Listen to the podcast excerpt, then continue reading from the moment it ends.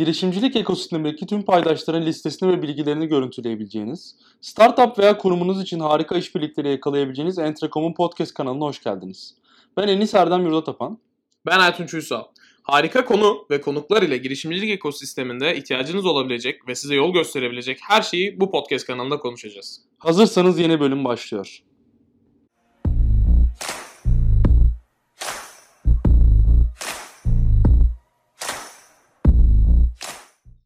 Herkese merhaba, ben Murat Çelebi.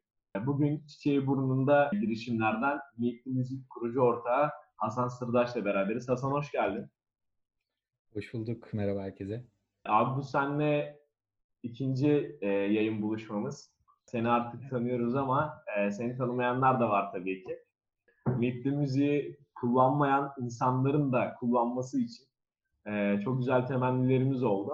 E, Meet Müzik'te farklı bir uygulama deneyimi. Yani çok güzel bir girişim sundunuz. Biraz bize kısaca girişiminden bahset. Kendini tanıt istersen. Tabii ki. Ee, öncelikle ben burada olmaktan dolayı çok mutluyum. E, çünkü hep hikayelerini dinlediğim, tavsiyelerini aldığım e, o insanların olduğu bir platformda bize de yer ayırmanız gerçekten çok güzel bir duygu. E, aynı zamanda benim de ilk podcast deneyimim olacak. Büyük kusurumuz olursa şimdiden affola. E, yine tekrardan davet ettiğiniz için teşekkür ederim. Ben Hasan Sırdaş, Mittü Müziğin kurucu ortağı ve iş geliştiricisiyim. 24 yaşındayım. Mekatronik mühendisliği mezunuyum. Enerji sistemleri mühendisliğinde şu an yüksek lisans yapıyorum. Sizlere kısaca uygulamadan bahsedecek olursam, Mittü Müzik aynı anda aynı şarkıyı dinlediğiniz insanlarla tanışabileceğiniz bir arkadaşlık uygulaması. Spotify'dan bir şarkı dinlemeye başlayıp eşleşme aramaya başlıyorsunuz. Aramaya başladığınız anda dinlediğiniz şarkı keşfette gözüküyor. Keşfette o anda uygulama içinde dinlenilen şarkıları görebiliyorsunuz.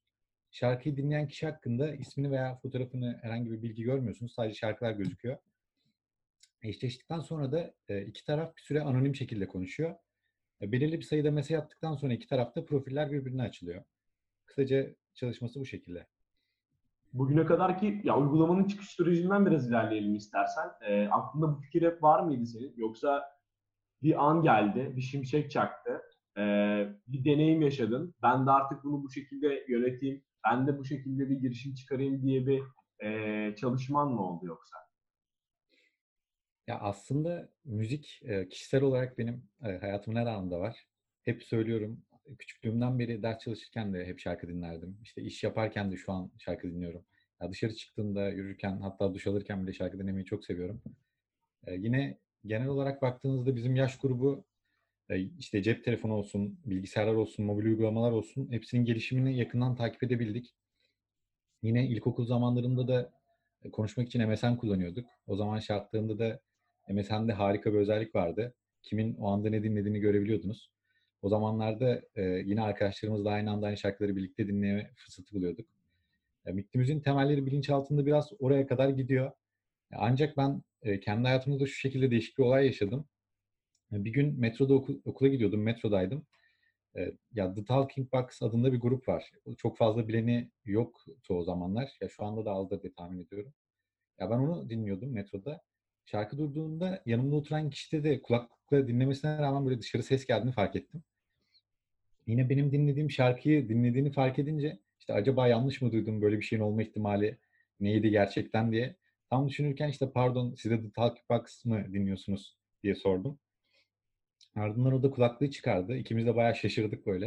Ya bu şekilde değişik bir tesadüfle çok az dinlenen bir grubu böyle aynı metroda, aynı koltukta hatta aynı anda denk gelmesi nasıl bir ihtimalde bunu konuştuk, bayağı güldük. Abi Ondan milyonda sonra... bir desek yeridir. Ben e, hayat, açık söyleyeyim hayatımda duymadığım bir grup. E, denk geleceğim. bir de hemen metroda yanımda oturacak o kargaşada. Sarılıp öperdim herhalde. Evet gerçekten böyle değişik bir deneyim olmuştu. Ya orada aslında e, bahsettiğimiz aha moment denilen anı ben yaşadım. Ya bunun sonrasında da bunu bir mobil uygulamayla yapsak nasıl olur diye düşünmeye başlamıştım. İşte dünyada aynı anda milyonlarca insan aynı şarkıları birlikte dinliyor. Yine aynı duygularla, aynı şarkı dinledikleri insanlarla tanışıp bir şeyler paylaşma hissini herkesin deneyimlemesi gerektiğini düşündüm. Yani yine müzik zaten duygu ve düşüncelerimizi yansıtabileceğimiz harika bir iletişim aracı. Biz böyle bir arkadaş uygulaması geliştirmeye başladıktan sonra da işte kullanıcılara benzer uygulamaların dışında farklı bir deneyim yaşatmak istedik. Diğer arkadaşlık uygulamalarında en çok yaşadıkları sorunları da analiz etmeye başladık. İşte e, ya yine hep diyorum ben e, biz istiyoruz ki böyle iki kişi aynı metroda veya işte otobüste aynı şarkı dinlerken de işte benzer ruh hallerinde birbirleriyle tanışabilsinler. Yine arkadaş olup e, belki de flörtleşebilsinler. Yine e, ya ya da yaş olarak da mesela örneğin bir amcamızla bir genç kardeşimizle aynı anda bir aşk acısını paylaşabileceği bir şarkıda dinleyip dertleşebilse yani böyle bir e, community kurmak istiyoruz aslına bakarsan. Abi komünite oluşturmak çok zor bir işte. Kullanıcı kitlesini elinde tutmak bir kere başlı başına bir zorluk. Özellikle Evet. dating app'lerde. Tinder'da bunun örneğini çok gördük. Ülke fark etmeksizin kullanıcılarda uygulamanın çıkış vizyonuna ve misyonuna eşleşmeyen, bunlara uymayan e, davranışlar gösterildi. Kullanıcı profilleri fake profillere kadar çok kaydı. Siz bunu e, içeriğinizde ve arayüzünüzde minimuma indirmişsiniz. Yani dating app olarak bakacaksak bambaşka bir yaklaşım. Ama bir taraftan da Messenger tarafından, MSN Messenger tarafından beri gözlemleyen bir girişim kurucusu var şu anda. Sen çok küçük yaşlarda itibaren gözlem yeteneğini gözler önüne sermişsin. Olaylara farkındalıkla yaklaşmışsın ve bunları, bu topladığın bilgileri ileride değerlendirmeye çalışmışsın. Ee, bu girişimin temellerini bu şekilde atmışsın. Şu an genç girişimcilerde, bizler dahil, eksik olan niteliklerden bazıları gibi duruyor şu anda.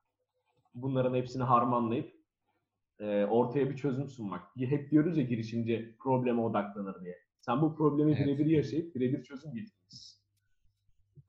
Evet aslında böyle olması daha e, yani kullanıcı tarafında da kullanıcıyı anlama konusunda da çok daha etkili oluyor bu şekilde gerçekleşmesi. Yani empatiyi de birebir yaşadın diyorsun bir, yandan öyle mi? Evet öyle de diyebiliriz. Abi peki böyle bir işi çıkarmak kullanıcı sadakati olacak mı? Ee, ürünü satabiliyor muyuz diye eminim düşünmüşsünüzdür ve bunların çalışmasını yapmışsınızdır. Siz bu fikir aşamasından MVP'ye kadar ne gibi problemler yaşadınız? Çünkü bu işi çıkarmak e, her baba yiğidin harcıdır diyoruz ya. E, bu yükün altına Evet. girmek de her baba yiğidin harcı gibi durmuyor.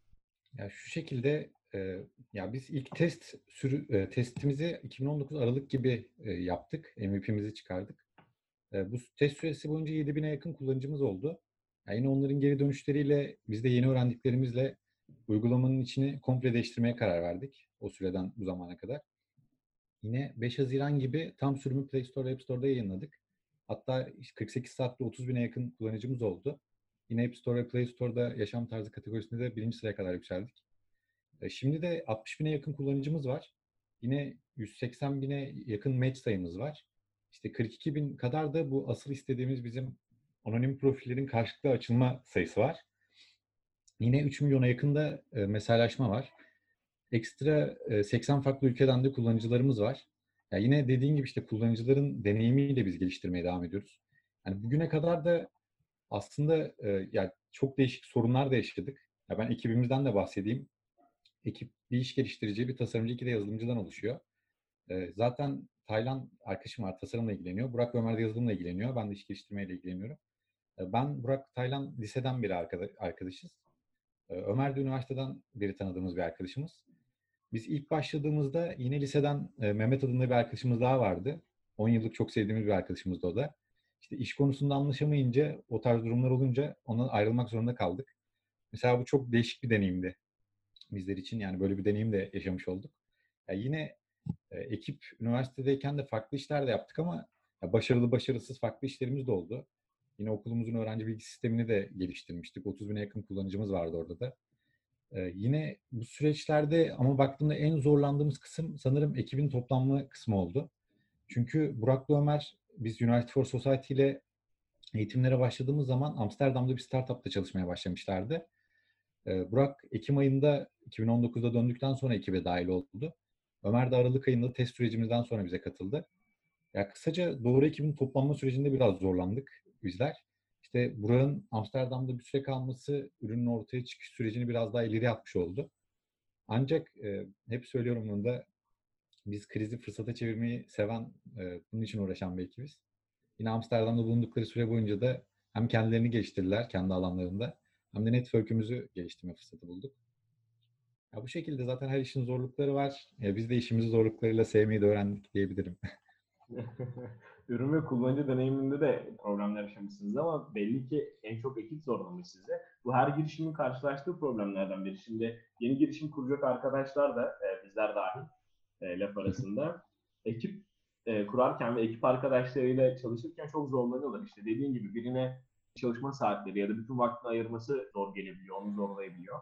E, ekstra vakit ayırması derslerinden dolayı özellikle okul çağındaki girişimciler için zor olabiliyor. E, diğer taraftan da e, ekibin çalışma prensibi, ekibin çalışma temposu onlar için biraz e, yıpratıcı olabiliyor. Siz bunu da aşmışsınız ama gördüğüm kadarıyla. Ekiplerin esas olması gereken girişimlerde e, mantığında çevik olması gerekiyor diyoruz her zaman.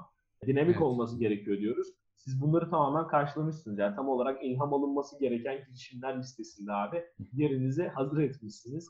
Geldi etkilenme diyorum ben şimdi. Teşekkür ederim gerçekten düşüncelerin için.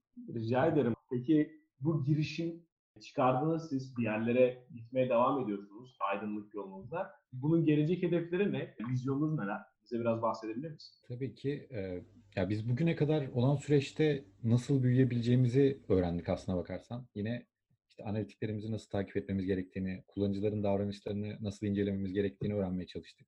Hala da öğreniyoruz. E, bir sonraki adımlarımızı hep yaptığımız için farkında olarak atmaya çalışıyoruz. E, rastgele bir iş, şekilde iş yapmaktansa ya kullanıcılarımızı yakından tanımaya özen gösteriyoruz. Özen gösteriyoruz şu aşamada da. Yine uygulama içine eklemeyi düşündüğümüz birçok feature da var. Ee, yine onların altyapısını oluşturmaya başladık şimdiden. Ee, yine globalde Growth Circuit, Startup Wisecast gibi programların da içinde e, varız. Gelişimimizi yakından takip ediyorlar onlar da. Ya bu aşamada da bizim görüştüğümüz, tanıştığımız hem Türk hem yabancı yatırımcılar da var. Ee, yine şimdi bir süre daha Türkiye'de ürünü geliştirip işte uygulama içi satışlara başlayıp ardından hızlı bir şekilde globale açılmayı istiyoruz. Orada da bir tabii e, bir venture ya da bir yatırımcı işin içine girecek illaki. E, çünkü ürünün sırf reklam maliyetleri bile herhangi bir girişimi ve girişimcinin belini bükebilecek cinsten. Sizin yaptığınız işin de benzer sosyal paylaşım platformlarına baktığımız zaman en basit örnek TikTok e, bu kadar reklam Evet. maliyetlerini sizin de bir nevi karşılayabilmeniz gerekiyor. En temel aşamada Evet. olsanız bile. Abi biraz Universal for Society'den bahsettin. Senin yukarı geçmişini biliyoruz. O İzmir'den e, yanlış hatırlamıyorsam Uşak'a kadarki süreç. Bize biraz bunlardan da bahset. Onun yanında e, katıldığınız ekstra bir proje var mıydı? Yarışma var mıydı? E, birkaç programa daha katılmışsınız yanlış hatırlamıyorsam. Bu Evet. korona bölene kadar hatta bir e, İnegöl İnovasyon Merkezi geçmişiniz de vardı ama işte korona sürecinde yarım kaldı sanki. Ee, Ya şu şekilde aslında işte her şey Nisan 2019'da University for Society girişimcilik programına katılmamızla başladı. Ya bizler zaten bir şeyler yapmaya çalışıyorduk. Ancak böyle girişimcilik hakkında çok bilgimiz yoktu. Ee, ilginç olan o bahsettiğim konuda ya biz İzmir'de yaşıyoruz. Ee, İzmir'de olan etkinliği de kaçırmıştık.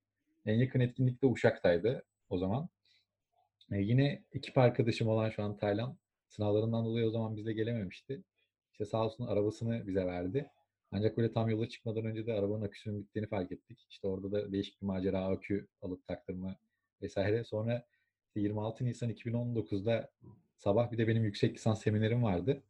İlk önce benim okuluma gittik. Okulda ben semineri verdikten sonra oradan Uşak'a doğru Turgutlu'dan Uşak'a yola çıktık. Hayatımda ilk defa Uşak'a gittim ben. Ya Orada gerçekten çok güzel insanlarla tanıştık. Ee, orada işte Mervecan, Rümeysa Yiğit gerçekten harika insanlar vardı. Hepsinin yeri bizde çok ayrı. Yine onlar birlikte, onlarla birlikte sabahladık. Bizimle fikrimizi geliştirmeye çalıştılar. Her anlamda bize çok yardımcı oldular onlar da. Ya Orada tüm Türkiye için finallere kalan ekiplerden birisi olduk. Böylelikle bizim University for Society ailesine girişimiz ve maceramız başlamış oldu. İşte her hafta girişimcilik hakkında eğitimler almaya, yeni insanlarla tanışmaya başladık. E, Birçok mentörümüz de oldu. Bizlere her konuda yol gösterdiler. Hala da görüşüyoruz. Sağ olsunlar gelişim süreçlerimizi de çok yakından takip ediyorlar. E, Yine 2020'nin Şubat ayında e, İNG İnovasyon Merkezi'nin hızlandırma programına davet edildik İstanbul'a. Orada bir hafta süreyle yine çok değerli eğitmenlerden çok güzel eğitimler aldık. E, Çok güzel insanlarla tanıştık orada da. E, Bu programın sonunda da oradan ofis ve mentor desteği kazanmıştık. Dediğim gibi korona dolayısıyla bir hafta kadar sürdü o maceramız. İzmir'e geri döndük sonrasında. Yine Mart ayında da az önce de bahsettiğim işte Growth Circuit hızlandırma programına kabul edildik. İşte orada yine Startup Wisecast'la birlikte dünyanın birçok farklı yerinden mentorlarla çalışma fırsatımız oldu. İşte hem globalden çok güzel insanları tanıdık. hem fikrimizi e, geliştirme şansımız oldu. Ya bu süreçlerde bireysel olarak da bizim çok darladığımız, bizlere her türlü katlanan, her zaman yardımcı olan insanlar var. Buradan işte Mert Cangül'e, Enis Erdem Yurda Tapan'a, yine Levent Kopuz'a, Aytunç Uysal'a, Özgöz'e yani çok teşekkür ederim. Adını hatırlamadığım e, mentorlarımız da varsa kaçırdığım hepsinden özür dilerim. Bu, bu şekilde. O zaman hepsine selam olsun diyelim. ENG İnovasyon'a da, Enis Erdem'e de, Mertcan'a da, Aytunç'a da buradan selam yollayalım. Özellikle de o zaman Euphorus ekibine buradan selam olsun. Umarım size kattıkları değeri diğer girişimlere de katmaya devam ederler. Onları da ışık tutarlar. Sonuç olarak e, yaşınız çok genç. E, ama siz burada tüketmekten çok üretmeye yönelmişsiniz. Hatta genç yaşta tüketmekten çok üretmek önemli. Biz bunu kendi ülkemizde de görüyoruz. Çok genç bir nüfusumuz var ama yapmaktan çok yapılanı almaya, üretmekten çok tüketmeye odaklanmış bir şekilde hayatlarına devam ediyor. Bütün dünya genelinde böyle olsa da özellikle bizim ülkemizde bu genç nüfus oranla e, sayı biraz daha fazla görünüyor. Sana öğrencilik hayatında böyle bir girişim çıkarmanın neler kattığını düşünüyorsun? Yani hala hazırda hala öğrencilik hayatın devam ediyor. Evet, e, ya aslında senin de belirttiğin gibi eğitim sisteminden de kaynaklı biraz sanırım. Ya girişimciliği çok fazla öğrenci de düşünmüyor. Özellikle Türkiye'de hani mezun olsak yeter gibi yani iş bulursak şanslıyız gibi bir düşünce var. Yani şu an dediğin gibi gençken enerjimizi doğru bir şekilde doğru yerlere yönlendirebilirsek gerçekten güzel büyük işler yapabileceğimize, başa- başarabileceğimize inanıyorum ben de. E, yine şu an aynı zamanda yüksek lisans tez dönemindeyim dediğin gibi.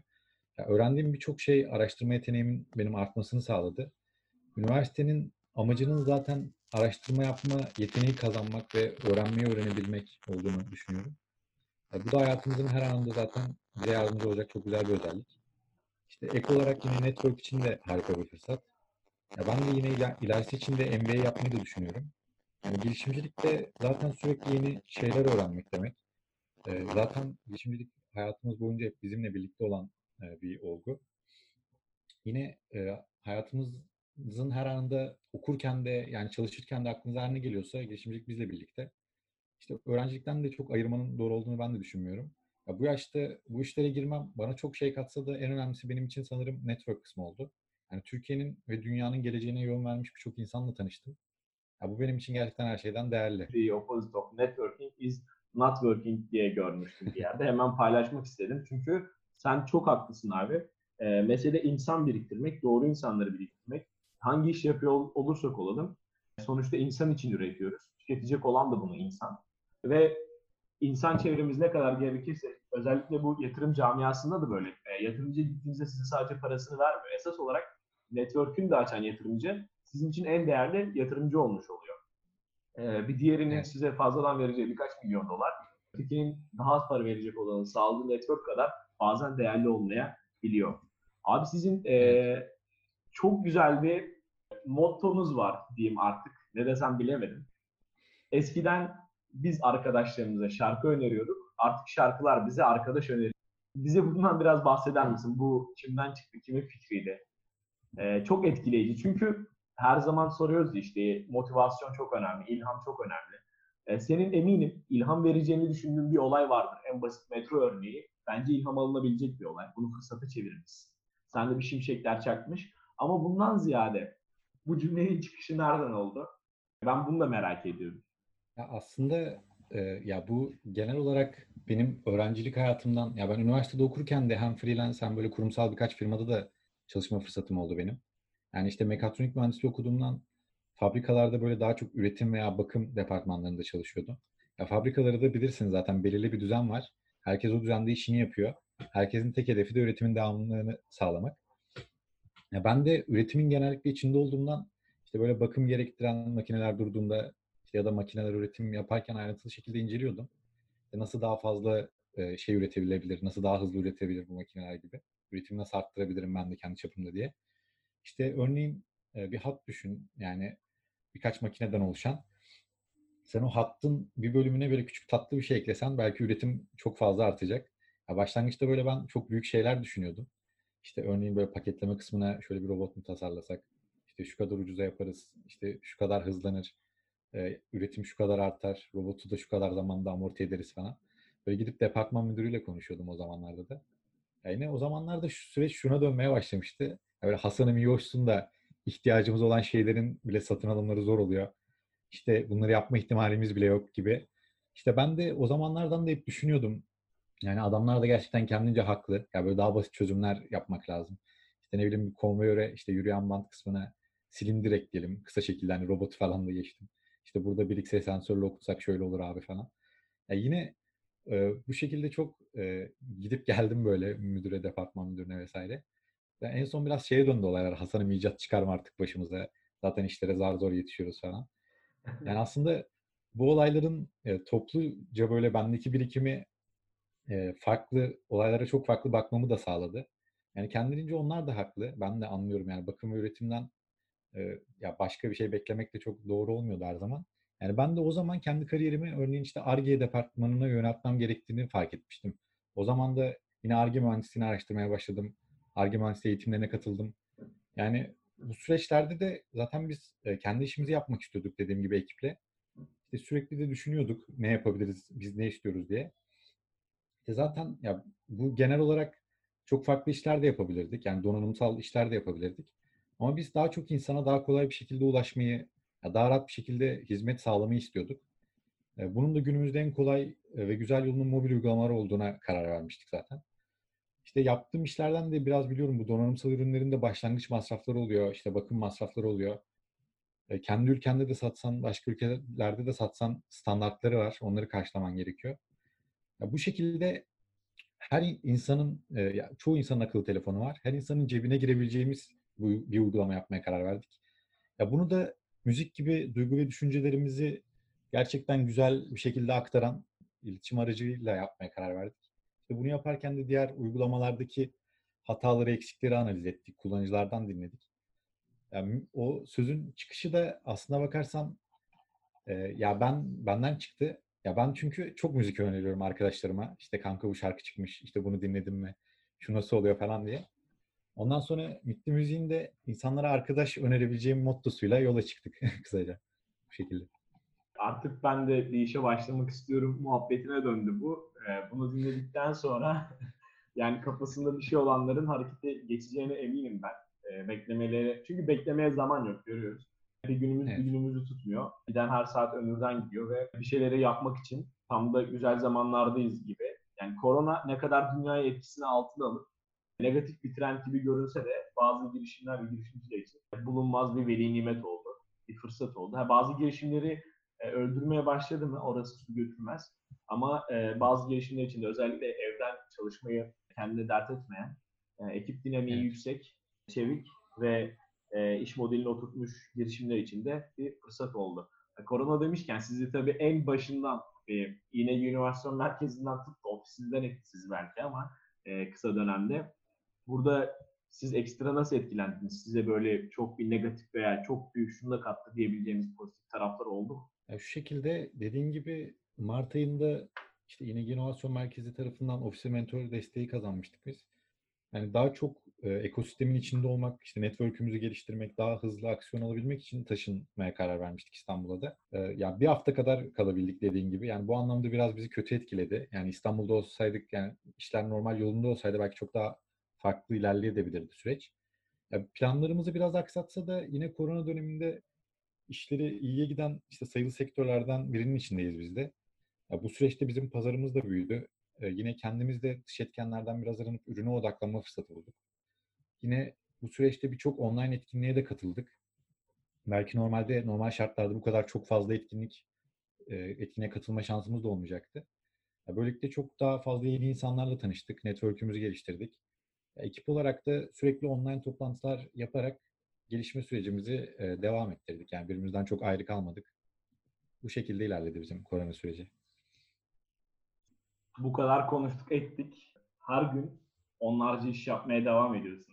Bu arada ben hala kullanmaya devam ediyorum. Nick'te müzik aşırı keyifli. Sürekli yeni şarkılar denk geliyor insanlarla ve her konuştuğum insandan kendi yıllardır dinlediğim şarkıcıların, sanatçıların bile e, bilmediğim şarkılarını öğrenmeye başlıyorum ben. Devam ediyorum. Hatta geçenlerde bir arkadaşım gerçek mi ya sence eşleştiriyorlar mı dedi. Kimsenin aklına gelmeyecek bir e, şarkı açtık. Ki gerçekten yani belki Spotify dinlenmesinde bile en fazla kişi dinlemiştik diyorduk biz. Ama bir başkasıyla daha eşleştik. Sonra dedik ki demek ki doğru insanla eşleştirmiyor yani random atıyor. Sonra arkadaşımla da eşleşebildim ben. Demek ki dedik bu uygulama harbiden çok güzel çalışıyor ve bizi doğru insanlarla da eşleştirebiliyor. Yani dating app tarafında bambaşka bir e, bakış açısı, bambaşka bir kalite bu arada çok yüksek. Şu an podcast dinliyor olan ama uygulamayı henüz kullanmamış olanlara da buradan bir selam olsun. Mutlaka deneyin. Arkadaş çevrenizde çok kaliteli bir artış yaşayacağınızın garantisini verebiliriz. Ya biz bu e, ya arkadaşlık uygulamaları konseptinde de işte farklı bir soluk olmak istedik. Dediğim gibi e, ya kullanıcılar müzik odaklı ilerlesin. İşte yine ön yargıların olmadığı, yani dış görünüşün ön planda olmadığı bir şekilde sohbetler başlasın istedik. Ya bu bahsettiğin işte keşfet e, kısmında da her yani o anda uygulama içinde dinlenilen şarkıları gördüğün için yeni bir şarkıyı da dinlemek istersen oradan anlık bir şekilde tıkladığın anda o şarkıyı dinlemeye başladığın anda onu dinleyen kişiyle eşleşebiliyorsun. E, o öyle bir e, artısı da var uygulamanın. E, bizim tabii hatalarımız, eksiklerimiz de var. Bu süreçte bizler de geliştirmeye devam ediyoruz uygulamayı. E, adı üstünde girişimcilik e, öğrene öğrene tamamlanan bir serüvendir. Hatta bana sorarsan tamamlanamayan bir serüvendir. Bitmiyor çünkü bir türlü. Sürekli yeni şeyler öğrenmeye devam ediyoruz. E, sen de tabii yeni şeyler öğrenmeye devam ediyorsun. Ekip de yeni şeyler öğrenmeye devam ediyor bahsettiğin üzere. Ama bu kadar yoğun ve bana sorarsan geleceği çok parlak bir iş. Ağır bir yükün altındasınız. Bunu defalarca kez söyledik. Senin günün nasıl geçiyor abi? Sen e, bunun co-founderlarından birisin Meet the Müziğin ve Evet. iş geliştiricisin. Senin günün nasıl geçiyor? Günde kaç saat uyuyorsun mesela? Ne kadar çalışıyorsun? Aslında şu zamanlar uyku düzenimiz pek kalmadı diyebilirim. Çünkü gece 3'te de bir kullanıcı bize yazabiliyor. Yani ona uygulamayı işte gerekirse anlatmak, gerekirse hatasını o anda hemen çözüp deneyimletmek istediğimiz için her kullanıcıya aynı önemli uğraştığımız için ya biraz uyku düzenimiz kalmadı şu son zamanlarda. Özellikle 5 Haziran'da çıktıktan sonra ürün. Yine işte yazılım tarafında da arkadaşlar sürekli geliştirmeye devam ediyor. Yine tasarımsal olarak da sürekli yeni şeyler eklemeye çalışıyoruz. Yani çok yoğun bir çalışma temposu içindeyiz şu zamanda. Ya benim günüm genel olarak işte e, birkaç saat uyku, 4-5 saat uyku olursa iyi oluyor şu zamanlarda. Yine sabah işte erken başlamayı seviyorum ben zaten güne. E, yine bu zamanlarda toplantılarımız oluyor. Yeni insanlarla tanışıyoruz. Yine çok tecrübeli insanlarla e, insanlardan mentorluk alıyoruz. Onlarla gün içinde toplantılarımız oluyor. İşte ekstra e, yine ürünü geliştirmeye çalışıyoruz. Ürüne ne özellikler ekleyebiliriz? İşte kullanıcı bazında ne şekilde ilerleyebiliriz? Bunların toplantılarını da yapıyoruz gün içinde. Ya daha çok kullanıcı odaklı şekilde ve ürün odaklı şekilde şu zamanlar devam ediyor.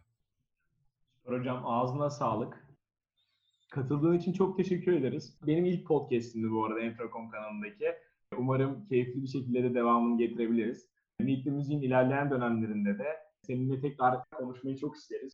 Bizim için çok keyifli olur. Buradan kapatmadan önce dinleyicilerimize var mıdır hocam bir tavsiye?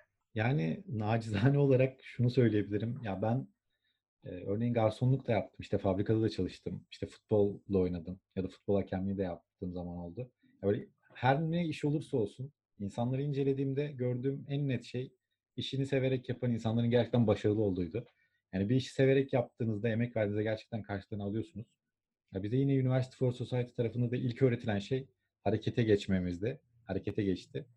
E, denemezsek asla ne olacağını bil- bilemeyiz. Yani neden denemeden baştan kaybetmeyi seçelim ki diye düşünüyorum. Yani fikirleri varsa daha deneyimli birilerinden fikir alabilirler. Yani fikir aşamasındaysa bile yine başka insanlara anlatabilirler. Çünkü bazı insanlar fikirlerin çalınmasından da biraz korkuyor. Yani ancak anlatmadan, diğer insanların yorumlarını dinlemeden fikirleri geliştirmek biraz zor. İşimizi severek yaparsak zaten başarılı oluruz diye düşünüyorum. Ee, Yani son olarak yine bugüne kadar arkadaşlarınız size şarkılar önerdi. Mitti Müzik'le şarkılar size arkadaş önerecek. Müzikle kalın diyorum. Tüm dinleyen herkese teşekkür ediyorum. Biz de buradan tüm dinleyenlere müzikle kalın diyelim. Teşekkür edelim. Enfracom Podcast'in bu bölümünün sonuna geldik. The Müzik kurucu ortağı ve iş geliştiricisi Hasan Sırdaş konuğumuzdu. Bir sonraki bölümlerde görüşmek üzere. Hoşçakalın.